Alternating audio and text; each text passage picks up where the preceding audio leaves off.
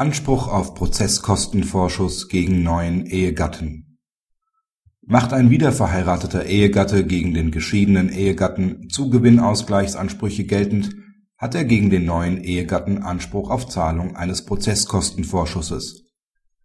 Die geschiedene Ehefrau begehrt Prozesskostenhilfe für die Durchsetzung eines Anspruchs auf Zugewinnausgleich gegen den früheren Ehemann. Das Amtsgericht weist den Antrag zurück. Die Beschwerde zum OLG bleibt ohne Erfolg, weil die wiederverheiratete Ehefrau gegen ihren neuen Ehemann einen Anspruch auf Zahlung eines Prozesskostenvorschusses hat. Der BGH weist die Rechtsbeschwerde zurück.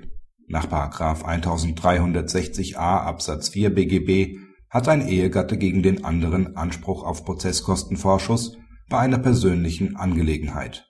Streitig ist, ob dieser Anspruch gegen den neuen Ehegatten besteht, wenn ein Anspruch gegen den alten Ehegatten durchgesetzt werden soll eine persönliche Angelegenheit im Sinne des § 1360a Absatz 4 BGB liegt sowohl bei vermögensrechtlichen als auch bei nichtvermögensrechtlichen Ansprüchen vor.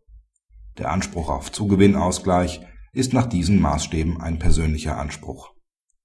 Der Wortlaut des Gesetzes ist eindeutig, eine einschränkende Auslegung dahingehend, dass der neue Ehegatte einen Anspruch seines Ehegatten gegen den geschiedenen Ehegatten nicht finanzieren soll ist nicht zulässig. Eine solche Einschränkung verstieße zudem gegen den Grundsatz, dass die Familiensolidarität staatlicher Fürsorge vorgeht. Praxishinweis Im Unterhaltsrecht gilt der Halbteilungsgrundsatz. Die Geltendmachung von Prozesskostenvorschuss neben Trennungsunterhalt, der nach der Quotenmethode berechnet wurde, kann daher nur gewährt werden, wenn der Unterhaltspflichtige über ausreichendes Vermögen verfügt, um hiermit den Anspruch zu erfüllen Sofern der Unterhaltspflichtige einen Zugewinnausgleich schuldet, sollte er zur Abwendung des Prozesskostenvorschussanspruchs einen Vorschuss auf den Zugewinnausgleich leisten